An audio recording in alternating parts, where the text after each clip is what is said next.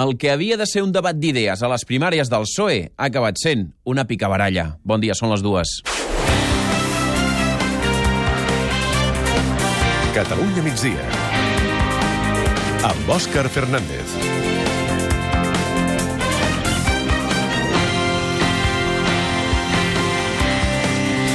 Avui s'ha fet aquest debat entre els tres candidats a liderar els socialistes després de les primàries del diumenge que ve. Susana Díaz i Pedro Sánchez s'han enfrontat a cara descoberta amb Pachi López literalment al mig, amb un discurs conciliador però més aviat proper a Susana Díaz. La presidenta d'Andalusia i Pedro Sánchez s'han acusat mútuament de mentir s'han recriminat la investidura de Rajoy o el canvi de discurs constant. Sánchez ha parlat d'estat plurinacional i Díaz ha tret Felipe González i Zapatero per recordar a Sánchez, el seu rival, que s'ha quedat sol per culpa dels seus canvis d'opinió.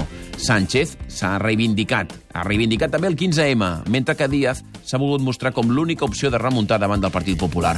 El debat ha estat cru en alguns moments i dur, L'ha seguit a la seu del PSOE a Ferrat, la Queta Carmany. Queta, bon dia. Bon dia. Ha estat un enfrontament dur, sobretot entre la presidenta d'Andalusia, Susana Díaz, i el defenestrat Pedro Sánchez.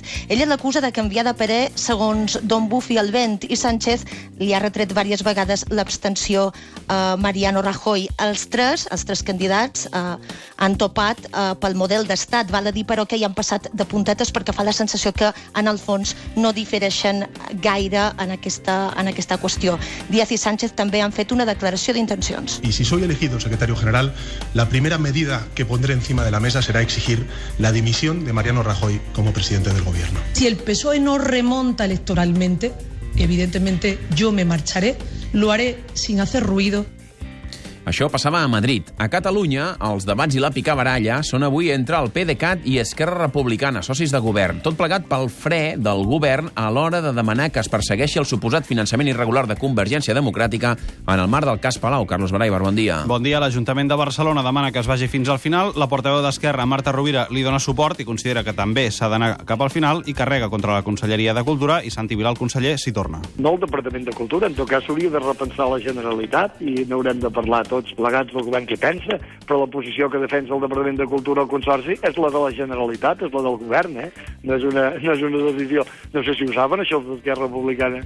Són declaracions de Santi Vila, el conseller, al matí de Catalunya Ràdio. I mentrestant, Demòcrates de Catalunya pressiona els comuns pel referèndum unilateral. Demana a Ada Colau, a l'Ajuntament, que li doni suport a canvi d'aprovar els pressupostos. I per la seva banda, el PDeCAT supedita el suport a la moció de censura a Podem el mateix suport a la consulta unilateral. I avui, en plena paranoia pel ciberatac global que divendres va deixar 125.000 sistemes informàtics d'arreu del món, els centres d'atenció primària de Catalunya i el Servei Informàtic de l'Institut Català de la Salut han patit una fallada conjunta pregunta. Tant l'ICS com Telefònica, la proveïdora de serveis informàtics, mantenen que no té res a veure amb el ciberatac global del cap de setmana. A hores d'ara està pràcticament resolta aquesta avaria que tenia més a veure amb el sistema elèctric dels servidors que, en aquest cas, també proveeix Telefònica. El, aquesta avaria ha provocat també que no es pogués demanar hora a través d'internet eh, per als centres d'atenció primària. I, a més a més, no es podien variar les eh, receptes informàtiques, a més a més, no es podien consultar les proves, és a dir, que ha estat un matí de caos als caps de Catalunya. Finalment, avui sí, ja s'ha signat el pacte per la renda garantida entre el govern i el tercer sector. Aquesta nova renda que s'hauria de posar en marxa al setembre passarà a ser responsabilitat del Departament de Treball i no pas de Serveis Socials com fins ara. L'impulsor de la ILP ha fet eh, possible la nova renda. Diosdado Toledano ha agraït també el paper dels ajuntaments en aquest debat. És això, aquesta força tan gran, el que ens ha fet arribar aquí, però també del suport municipal. 52 ajuntaments de Catalunya, que representen, si fem la compta, la majoria de la població de Catalunya, de llarg. A Tarragona, mentrestant, segueixen pendents del castor i de les seves derivades. Després que ahir el programa Salvados a la Sexta va destapar que el magatzem va multiplicar per 4 el seu preu en un any, avui el territori s'ha posat en marxa. Anem a Tarragona. Anna Rius, bon dia. Bon dia. La plataforma en defensa de les terres del Sènia ha dit a Catalunya Ràdio que reclamaran el document, fins ara confidencial, que va fer públic el programa de la Sexta. La idea és que sigui una prova més del desgavell econòmic que ha estat el magatzem de gas Castor.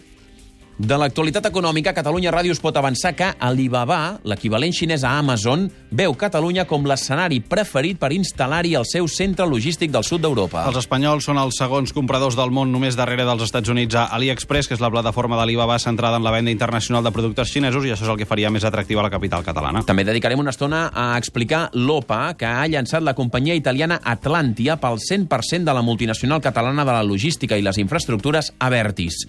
I sobre l'assassinat d'un guàrdia urbà de Barcelona cremat al maleter del seu cotxe a prop del pantà de Foix, tenim novetats a aquesta hora.